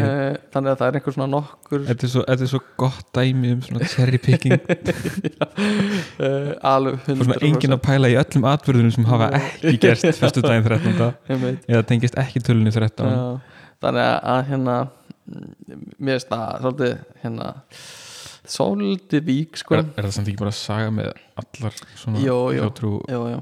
en þetta tengist á oft líka já, einhverju svona slæmu atbyrðum sem átt að gerast annarkvort á föstu degi eða þrett, eitthvað tengt 13 og ekki einu svona 13. mánuðis bara oft bara, bara eitthvað með 13 já, þú veist eh, 13 einstaklingar eða 12 einstaklingar og bætist svo einn við eða eitthvað svona algjörlega verið að tegja lópan og líka það sem er svo fyndið sko, eins og eitt af mér sem tókst með norrænu guðina. Mm, þú veist, segjum að að hjátrú sé ólíkleg mm, og trúa bara ólíkleg Já. hvað þá hjátrú sem er byggð á einhverju norrænu guðafræð þú þarf svona en, ekstra mikla trú til þess að já, en það eru margir sem líka vilja meina að þetta sé ekki það gamalt og meira bara svona eitthvað sem uh, kannski fyrsta lagi á 19. öld sem þetta fór að veist, Mm. hafa einhver áhrif. Uh, annað sem er hjátrú er að brjóta speil eru sjö ár af ógæfu sem e, mér finnst mjög skemmtilegt að það sé sjö sko. Veist, svolítið mikið finnst þér ekki?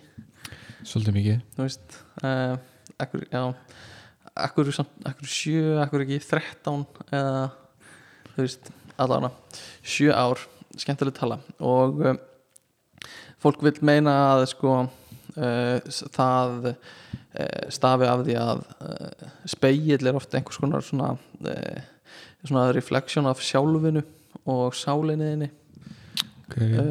þú veist, ef þú horfir í speil þá ertu að horfa sjálfa þig og speilin á að tákna þig einhvern veginn mm. þannig ef þú brýtur hann þá ertu að brjóta og það koma svona glöfur í sjálfu þitt sko.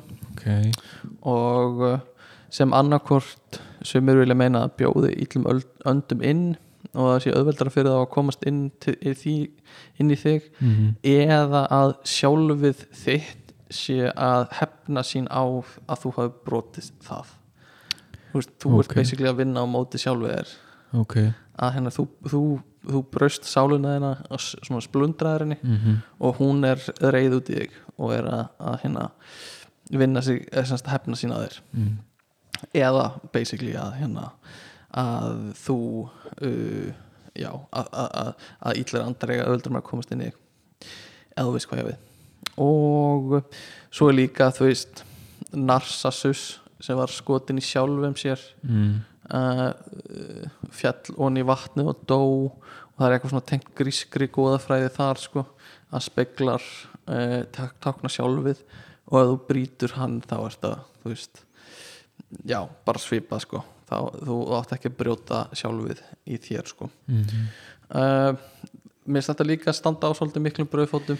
Sko það ég, en svona að, þetta er svona veist, þetta viðkennir allavega að þetta er bara eitthvað svona draug, draugas eða eitthvað svona saga. Já, Sko það sem ég fer að hugsa mm, er að allt þetta sem þú sagðir sé bara einhver svona eftiráskýring. Já, og raunverulega sé og eins og er örgulega margar svona Mhm. sögur og svona, og svona hjátrú já. að það er einhver svona lógísk Mm eitthvað svona korn af sannleik einhver staðar sem ég ymda mér að þarna gæti mögulega bara verið það -hmm. speiklar eru dýrir Mm og kannski á einhverjum tímapunkti í sögunni vinsamlegast ekki brjóta það og þá er þetta bara svona, já, já, þú veist, bara svona gefin ástæða til þess að passa sérstaklega vel upp á speikla einmitt, einmitt. eða þú veist, ef þú brýtur hann þá ertu líklega til þess að skera þig á og veist, sem er slæm já, já, já, og bara eitthvað svona að það sé eitthvað svona eitthvað sem að er uh, Mhm. raunveruleg ástæða fyrir því að er, þessi saga er komin. Einmitt.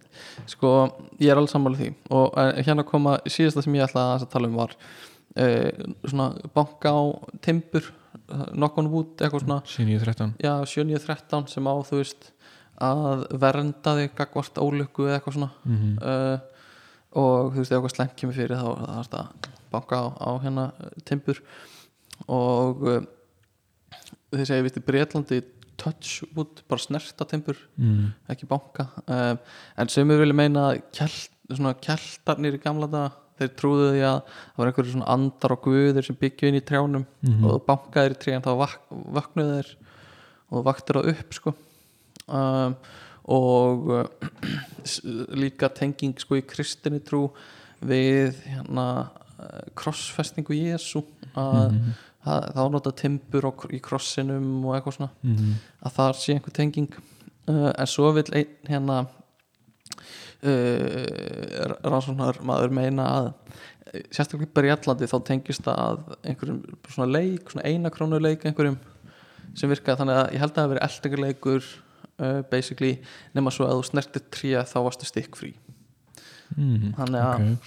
Uh, þannig að þú veist, þú varst, þú varst safe ef þú Mhm. varst að snerta tríja ok, það og er Já, og þau vildu meina að, að, að touch wood að snerta tré kæmi þaðan mm -hmm. frá sem leik. Uh, og þú veist mér finnst það svona semi mega sense mögulega. Mm.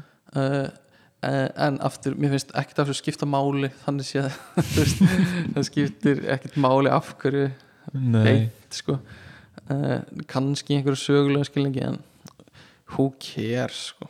Mm Ert þú með eitthvað svona sem þú vilt? Ég fann nokkur eða svona Mm. e, hérna það að, að syngja við matarborðið. Já, hefur þið hýrt um það? Að það Um, sé Já, Ólukka. nei, ég hefði ekki heyrt um það fyrir bara í gær sko. nei, uh, Er það ekki bara pappinu pyrraður og það er ólukka það er Hættu pottur að syngja. þannig en hérna mm. já, þetta er samt, já, þetta er alveg hérna svona alþjóðlegt en mm. það, hérna, það er einhver svona vísa sem er notað á ennsku sem ég, sem ég fann Ok, sem er hérna if you sing at your table and dance by your bed you'll have no rest when you are dead. Wow, þetta er, bara- þetta er brútal. Þetta er brútal. En hérna það er nú einhver einhver svona kenningar um þetta sé bara svona kannski það að hérna matarborðið var svona ákveðin helgistaður einhvern veginn. Já, líka kannski tengt við kristni vegna þess að þú veist einmitt. síðasta hérna kvöldmáttíðin hefur náttúrulega Mhm, áhrif og svona. Mhm. og, ka- og bara svona uh, þarna sé bara staðar til að haga sér vel. Já, og það að syngja er ekki að haga sér einmitt, vel.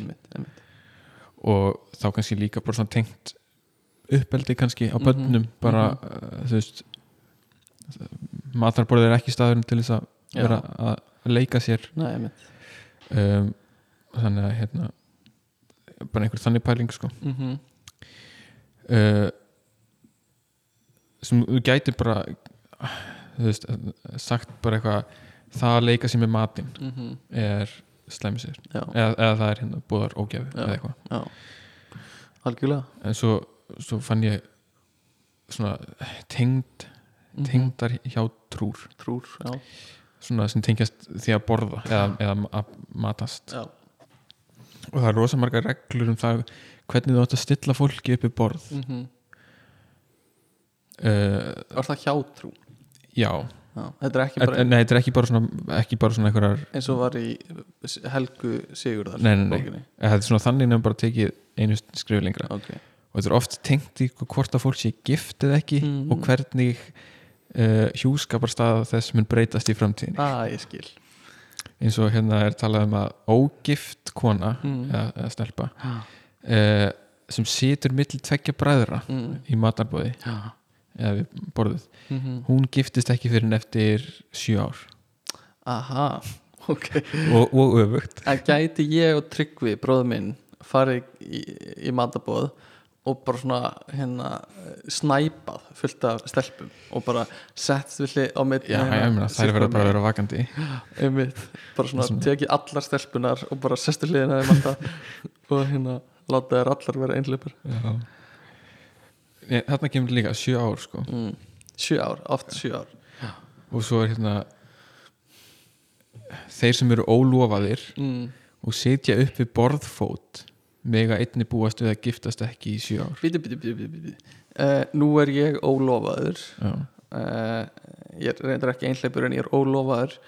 Og ég sit hérna á milli tveggja borðfóta já, og fylli helviti vel upp í það pláss. Mm, bara svo sorry. Æjæjæj, ok. En þetta er náttúrulega uh, hérna kannski aðalega í samtöðu þegar þú ert að borða og í matabóðum mm, en svo sem er þetta að segja hvert gildisviðið er sko. Já, já, einmitt Ok, en svo er hérna svipað sko, það er ennþá verra sko, að sitja með borðfót, for, for, borðfót millilappana lappana uh -oh. sko, þá giftast þeir aldrei.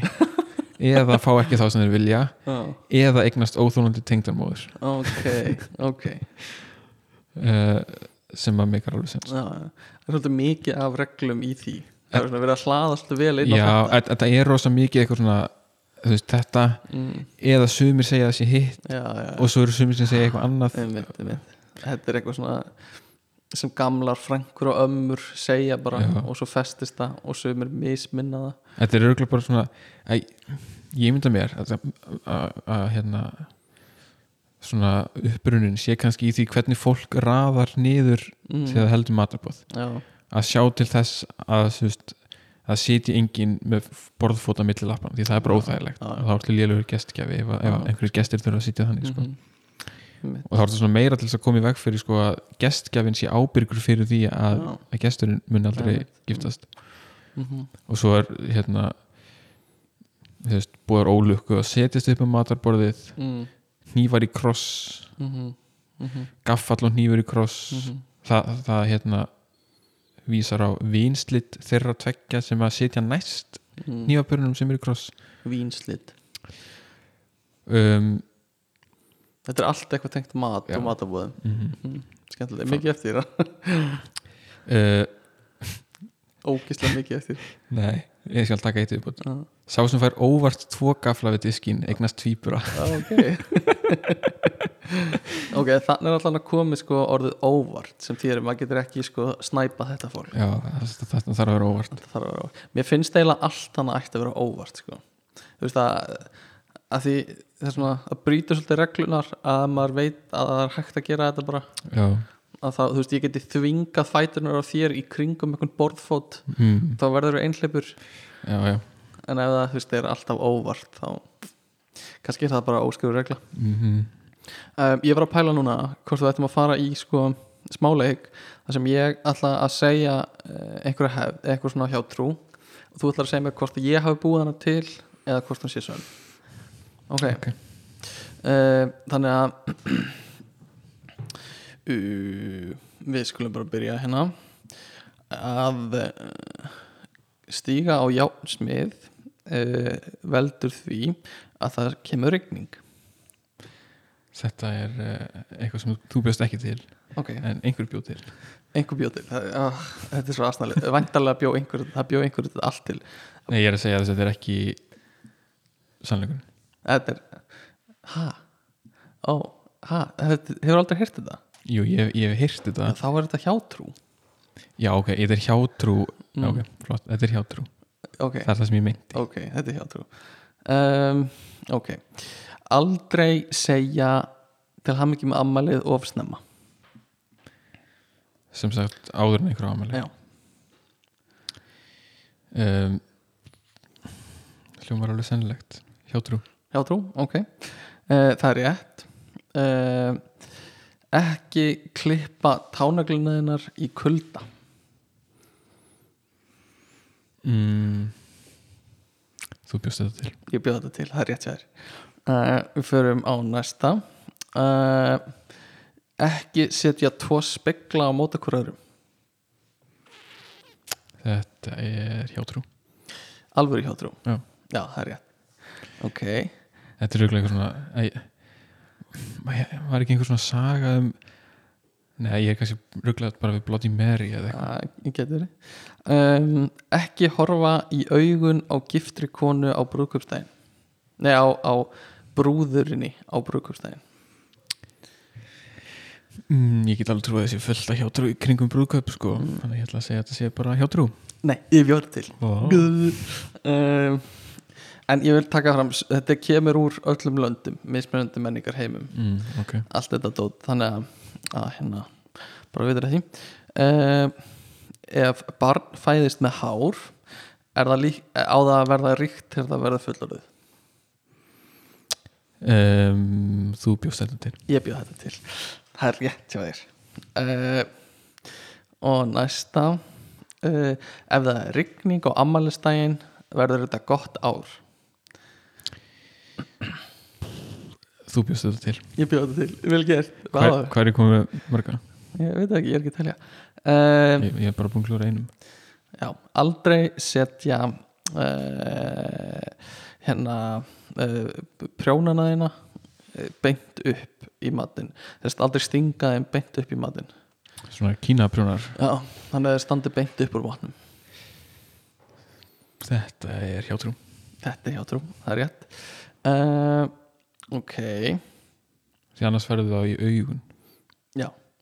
Uh, Ok, næsta er mm, aldrei fara beint heim eftir jarðaför Þú bjóst þetta til. Neip, bjóða þetta ekki til. Og næsta er uh, ef að kerti brennur alveg niður er það ógæfa fyrir heimilið Þetta er hjátrú. Nei, ég bjóða til. Já. Þetta er samt örgulega hjátrú. Uh, En það, heldur það? Uh, Ok, næsta er ef þú ferð í sokka öfugt nærðu ekki eignast börn. Bara eitt skipti. Þú ertu bara búin að klúðra. Já, greinilega ekki gott sko. Uh, Þú bjóst þetta til. Ég bjóð þetta til. Um, Ok uh, Ok, næsta er Hvítur köttur Bóðar sleik. Bara í, bara í, ná, nánustu framtíð. Já, eða ég býstu því. Þú býstu því. Mm -hmm. hmm. Þetta er hjátrú Nei, ég bjóð þetta Fannst þér þetta það skrítið að þetta hluti að vera um, Þú veist, þetta er allt bara 50-50 sko. Ég, ok. bara, þú veist, ég er bara búin að vera að gíska En ég fór í, Mhm. þú veist, ég er í hefnisbólunum mínum sko. Já, já, að þess vegna er ég búin að vera heppin Ok, og uh, síðasta er að nærra fjóru sinnum bóðar peninga hagsæld Þetta er rétt Hjátrú, það er að segja Nei, ég var að búa til Fyrir miður. Kemur Það fór næst. svolítið niður við hann í lokin. Já, En ég held ég hefði samt verið með meir en helming. Já, ég hugsaði líka. Um, Þetta var svona smá leikur. Ég var að pæla, þú varst með eitthvað BS-ritgerð Viltu tala eitthvað um hana? Já Þetta er BA-ritgerð Já, BA-ritgerð Get your facts straight. Alright Nei, hérna Já Hún tengist íþróttum svolítið. Mm -hmm. um bara hjátrú og, og, og innvikslu síði í íþróttum. Mm uh, eftir hann Andreas Örn Aðalsteinsson. Já, sem að síðan eftir hann kláraði þetta þá fór hann í uh, einhvern skóla í Sheffield í Breitlandi og Mhm. lærði þar einhver, einhver svona markasfræði ok. sko. Og þetta er, eh, þú fannst þetta bara á netinu? Ég fann þetta á netinu Þú bara, þekkir ekki hennan nei nei, strák. Ég bara kíkt á LinkedIn aðgangin hans. Ok, ok. Þetta er í- hérna þjóðfræði í háskólanum Mm. sem er Mjög, alveg hrikalega spennandi. Þetta er áhugaverð grein Þetta Mér- er svo allt öðruvís en allt sem ég þekki sko. þetta, þetta, mér, mér líður alltaf eins og þetta sé bara fólk að leika sér að gera eitthvað, svona, eitthvað skemmtilegt. Já, ég trúi alveg að, að þjóðfræði sé mikilvæg grein eða þú veist svona já, að bara það að skoða hérna, ná, áfangana. Áfangarnir eru ríkala áhugaverðir. Já. Það var einn áfangi kendur 2010-11 sem var bara hjátrú og Já. eitthvað. Hann heitir bara hjátrú. Einmitt. Með, með hún Terry. Terry, já, við okkar. Og svo var hérna Það voru margir bara svona áfangar sem voru bara hljómaði bara eins og það væri bara kennarinnir eru spurðir á einhverju fundum hafið áhuga á einhverju sérstaklega sem þeir vilja Já. tala um? Og þeir bara eitthvað já ég fíla tölvuleiki og hérna kynlíf og eitthvað. Sko hérna er einn áfangi á, sem er kendur á fyrsta ári í Mm. þjóðfræðinni sem heitir lúsakampar, landkoppar og kynlíf þjóðhættir og daglegt líf í sveitasamfélaginu. þú veist ég ég ég var alveg til að taka, taka eitt ár sko. klálega þetta er em, það er bara svo í- gaman líka að skoða hérna bara rítgerðir BA og master rítgerðir sem Mhm. koma út úr þjóðfræðdeldinni það eru oft svo áhugaverðar og, og skemmtilegar Mhm. og það eru svo allt, allt öðruvísi heldur en hérna algjörlega. svona okkar vísinda rítgerðir sko. Já í hérna uh, raun vísandunum Já, það er ofta eins og þessi bara verið að skrifa sko einmitt.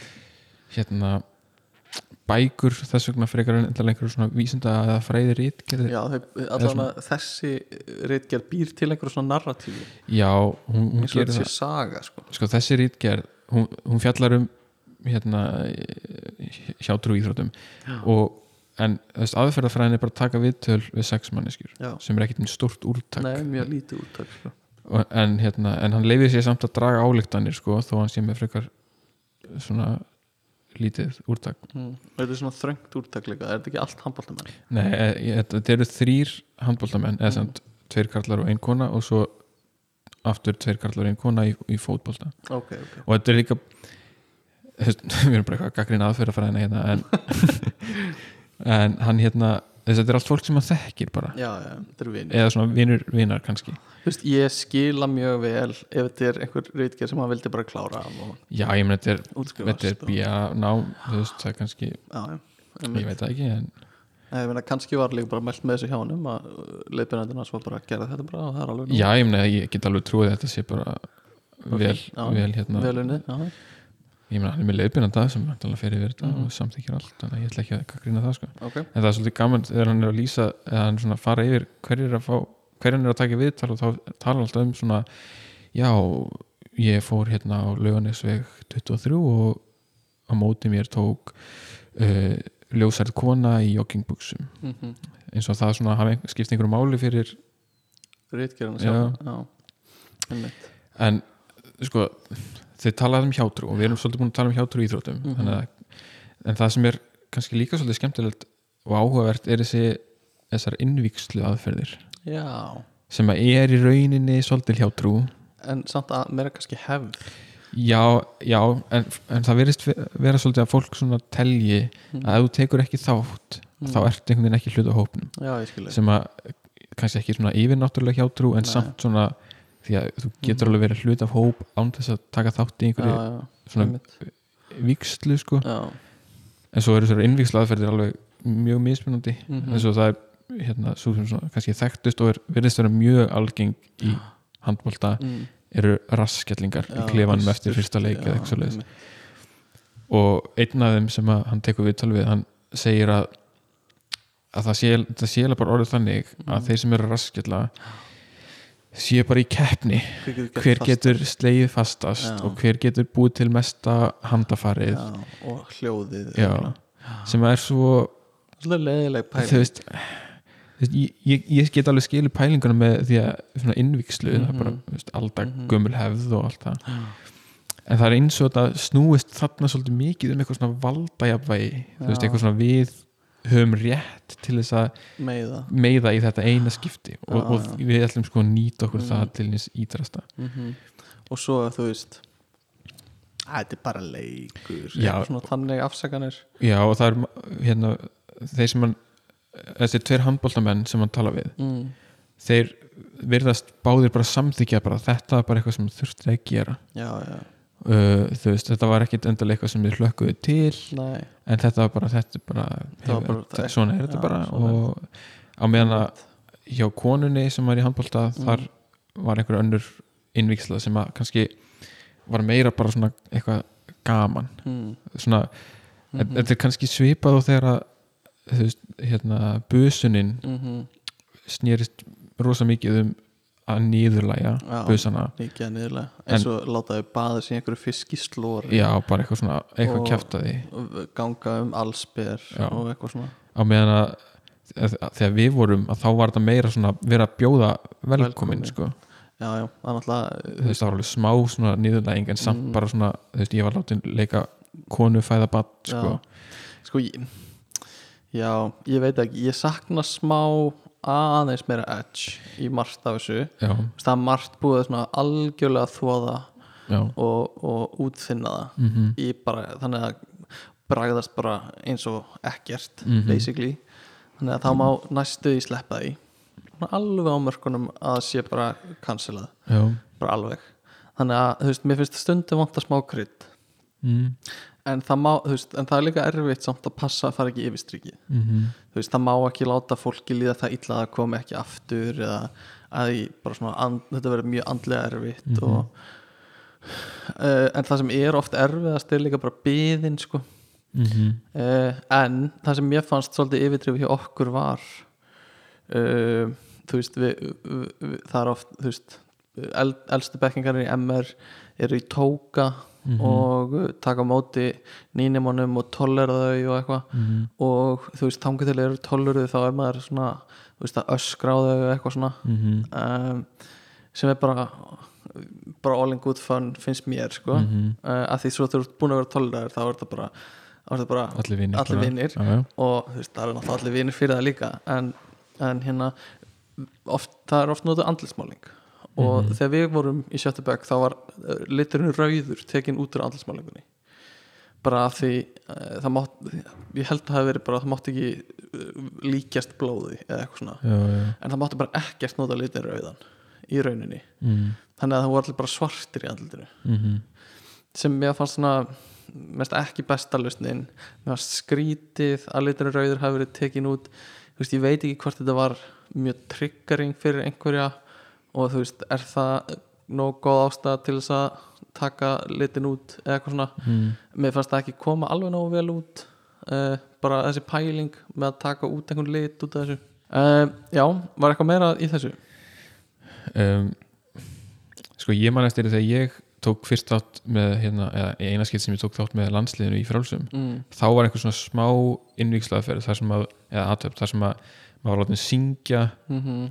uh, með enga tónlist undir nema þú varst með hann í já, og sem er svona smá niðurlægandi en samt bara ja, fannst mér bara allt í lagi mm og svo var það, þú veist, held yfir mann vatni basically, já, já. sem var mjög, mjög vægt náttúrulega með ja. margt annað en Einmitt. var bara uh, skemmtilegt þannig að mér finnst alveg hægt að bjóða fólk velkomið í einhvern Mm. hóp á vinsamlegu nótum Mm. en ekki með einhverju ofbeldi eða þú veist. Ég veit það er ekkert endilega allir sem líta á raskellingar sem ofbeldi en Mm. þetta er samt, þú veist Mhm. þetta er svona mér finnst eins og þetta sé bara óþarfið þú getur alveg fundið eitthvað annað Mm. jafn áhrifaríkt Já, ég veit ekki ég, þú veist, ég er alveg sammála að þetta fer oft yfir striki en mér finnst samt alveg gaman að hafa eitthvað svona smá edgy dót í þessu sko mm. þú veist, á, náttúrulega þessar raskillingar hljómar eins og það sé of mikið sko Mm en mér finnst oft líka þú veist of mikil svona forsjárhyggja í gangi mm. uh, og bara of mikið það má engin uh, líða illa upp að því marki að veist, það fær líka engin að skemmta sér eins og þú veist, á þú veist, ákveðin hátt mm Þú veist, skemmtunin er bara breytt í eitthvað allt annað sem er ekki lengur busun eða þannig þú veist, það Mhm. er bara, bara þú veist, uh, hérna eitthvað svona há- hátíð fyrir nýju fólki Mm -hmm. sem er ekki lengur busunaskemmtunin Nei, sem er bara allt í lægi út fyrir sig en þá er bara verið að veist, banna busun basically mm sem ég finnst svona mest oft aðeins svo mikið fórsjórhyggja -hmm. þó að það sé líka bara erfitt að finna mörkin sko. Og sumir bara fíla ekki sumir kannski líður illa uh, í svona busunum það er kannski já, erfitt að, meta sko. það bara og það var líka svona opta-out uh, uh, valmöguleiki manni í MR Mhm. bara vil ekki taka þátt -hmm. sem ég finnst líka bara fínlaust þú veist, að Já. leifa það bara -hmm. uh, þannig að ég veit ekki ég, ég, ég hef ekkert rosalega sterkar skoðanir á þessu og þú veist, ég átti með því að ég gæti haft bara svona rátt fyrir mér en svona mín tilfinninga er að það er oft aðeins svo mikið verið að, að hérna uh, já, verið að taka einhvern veginn fyrir hendur á fólki að mega gera þetta, og þetta Mm bara á síðustu árum meira og meira -hmm. Já, já, algjörlega mm. því ég man eftir busunum sem maður sá sko þegar fólk var að koma í FG, busunur í FG mm -hmm. og við vorum í Hofstaðaskóla og maður sá oft busunna frá skólalóðinni Mm -hmm. og maður var að horfa á þetta og þetta lúkkaði bara eins og mestir hryllingur í heimi sko. Mhm. og þú veist, það verið að keira fólk upp í heiðmörk og skilja það eftir og eitthvað svona sem er ekkert fyndið eða skemmtilegt Nei. og ég skil alveg að banna það en veist, að banna að hafa eitthvað sem smálíkist blóði í andlutinu á fólki finnst mér svona, minnst það of mikið. Já, uh, en, en það er bara ég. Uh, eitthvað meira tengt þessu sem þú veist með? Bara niðurstaðan hjá honum. Mm. Niðurstöður gefa til kynna að hjátrú sé huglagt fyrir bari Vá, gott. Takk fyrir mig. Ok, Gefa til kynna. Það gefa þetta kynna heyrðu, ég hef ekki meira um þetta að segja. Klálega. Uh, Ok, ég var að pæla árum klárum uh, bara svona rétt í lokin. Uh, er ég með smá spurningar fyrir þig? Jú, og þú ætlar að negla þær. Og þú mátt ekki svara þú veist, þú mátt ekki klikka á einn einustu. Ok. Ok. Um, og ef þú kemst í gegnum þetta á þess að klikka þá skal ég kaupa handaði pulsu. Vá Má, er það lagið þú kaupir hana þegar ég vil hana? uh, Nei, nú ert þú að vísa í eitthvað sem hérna, þú verður að útskýra núna. Já, ég skal útskýra þetta. En þetta, þetta er samt kæftæði hjá þér sko. Þetta er ekki kæftað hjá mér. Við lefum bara hérna hlustundum að Fyrst, tala ok, af því, nei, ok, ég skal útskýra fyrst og þú verður svo að kommenta hvort það er rétt. Nei, nei, nei, Ok, ég skal að útskýra fyrst og... Leið mér upp- uss, ég, Við mjúta ekki að þú heldur áfram. Ok, sko, við vorum að- einhvern að saman og vorum að leiðinni að keira eitthvað og þú segir ég er svangur. Uh, nennir að bor- kaupa hann með pulsu? Og ég skuldaði pulsu þannig að þú ætlar að taka hana út. Mhm. og þú stoppar á hérna bensinstöð og ætlar að kaupa þér pulsu. Og ég fer inn og ætla að kaupa pulsu með þér eða kaupa pulsu fyrir þig. Og stend við afgræsluna og það er einhver sem uh, afgræslu maðurinn er afgræð undan okkur. Og hérna á þeim tíma sé ég að hann er að fá sér pulsu og afgræslu maðurinn notar einhverja putta fyrir sósunar þannig að puttan er sner- snerta endan á sósunum og eitthvað svona. Mhm. uh, ég segi þér frá því ég veit ekki hvort það hafi áhrif á ákvörðunina en það er eins og þú hafið þá bara snúið við og farið að skoða einhverja samlokur. Ég, og- sko, ég, ég hætt þá, ég, þá, já, það alveg áhrif á það að ég hætti við að fá mér pulsu. Já, og ég sagði við þig mm, að ég ætlaði ekki að fá mér pulsu. Nei, þú ég, það ekki nei, ok, ég sagði þú þarft ekki að þú skuldar mér ekki pulsu. Já, þú þarft já, ekki að skulda já, mér pulsu. þú, já, þú sagði það, þú sagði þú þarft ekki að borga handlum með pulsu og ég eitthvað svona uh, ok, sá að þú varst að skoða eitthvað annað og, og ég er að býða í röðinni að þá Já. eftir þér og hérna svo ha, kemur að mér í röðinni. Ég ætla ekki að kaupa neitt nema bara pulsu fyrir þig já, og afgjöldumæðurinn er svona að býða og horfir á mig. Ég horf á þig sem er einhver staðar annar staðar og kall, reyna að kalla eitthvað á þig þú svarar ekki. Þannig ég eitthvað svona það er fæn, ég kaupi bara pulsu handanum. Og, og býðum eina með öllu fyrir þig sem afgjöldumæður fyrir að afgreiða. Þú kemur tilbaka og kaupir þér samlóku en getur ekki borga fyrir hana. Þannig ég þarf að borga fyrir samlókuna þina og svo er hann byrjaður að gera pulsuna þegar þú kemur tilbaka? Hann var ekki byrjaður að gera Jú. pulsuna. Þú hefði nægan tíma til þess að segja hann var búin að setja brauðið á grillið og pulsuna og það skiptir ekki mál pulsuna ofan þetta var pulsa sem var búin að vera á grillinu í svona, svona var 5 byrja- hann var klukkutíma handatökun voru byrjuð. Það skiptir ekki máli. og þú, ég gati ekki að ég var að þú getur það nei, alveg. nei, nei, nei, nei. þeir, sko, fyrst alveg, ég veit ekki hvort að við séð að ég var að skoða samlokurnar sem þið gefur til kynna, ég ætti ekki að fá pulsu sérstaklega þegar ég er nýbúin að segja við þig þú þarft ekki að borga pulsu fyrir mig. Þá geti bara þú að það er að borga. Já, en af hverju það en ef ég er auglust að skoða Allavega. samlokurnar svo Og þegar ég kem með samlokurnar Nei, tilbaka þá ætla ég auglust að ekki hún pulsuna. Og þá getur þú bara sagt fyrir ekki að hann var byrjaður að gera þannig að ég borga fyrir því pulsuna og samlokuna sem þú borðaði bara með glöðiki allan, ekki samlokurna jú, þú borðaði þú tókst hana með þér. Já, og svo var hún í ískapnum lengi og ég borðaði hann aldrei. Okay. allan uh, það sem þú þarfst að gera hérna núna er að svara þessum spurningum ránt ok heldur þú getur gert það?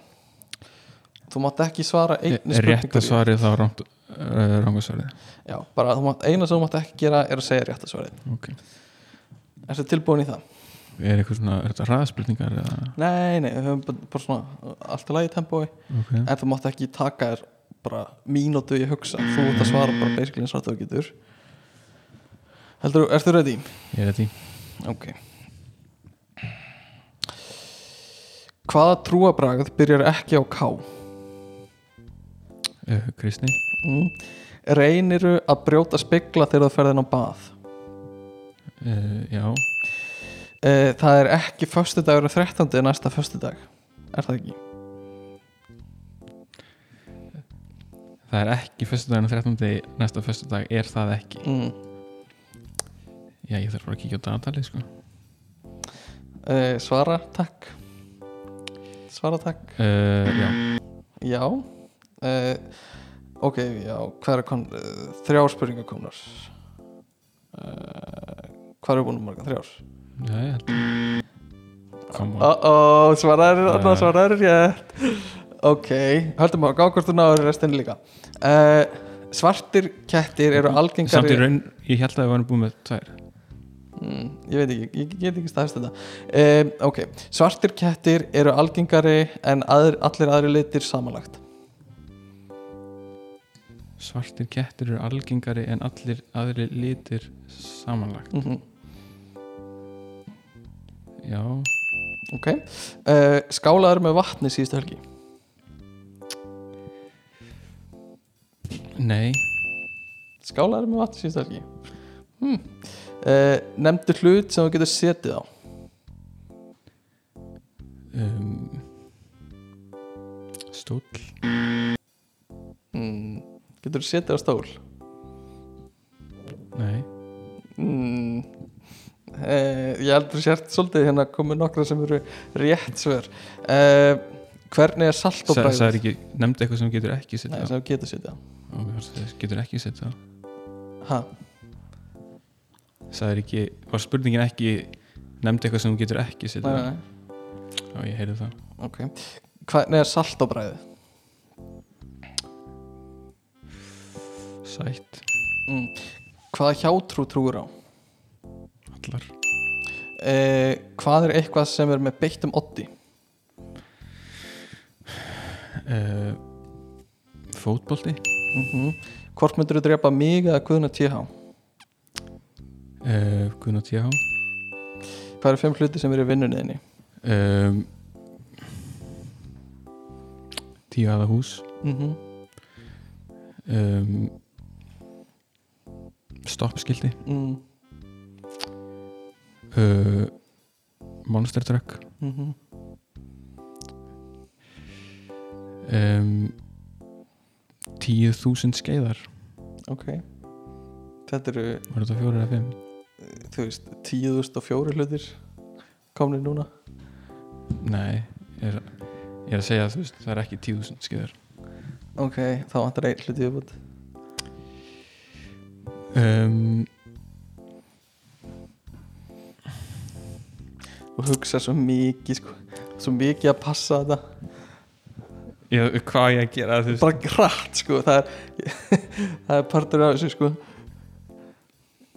Það er svona mér, já, það er bara mjög næ sko. þetta er svona típist þú. Þú, þú baðst mig um að nefna fimm hluti Já, já. sem að eru ekki Mhm. í vinnunni basically. Já, þannig að þá auglustlega fyrir fyrsta hugsun þá hluti sem er í vinnunni. Já, já, algjörlega algjörlega. Það er fullt af hlutum í 400 manna fyrirtæki. Mm Já, uh, ég held að það hafi gert smá vitlisur í þessu uh, en bara gekk fínt overall. Uh, Er eitthvað meira sem þú vilt klára núna? Bæta við Erum við ekki bara góðir? ég er allavega búin að segja allt sem ég þarf að segja. Ég held að. Takk fyrir að hlusta. nú get ég til að tökum næsta ást Já, það er yfirleitt þannig sem það virkar Senda okkur post, ekkert frétta at gmail og Instagram. Um, Já, takk fyrir þáttinn. Bless bless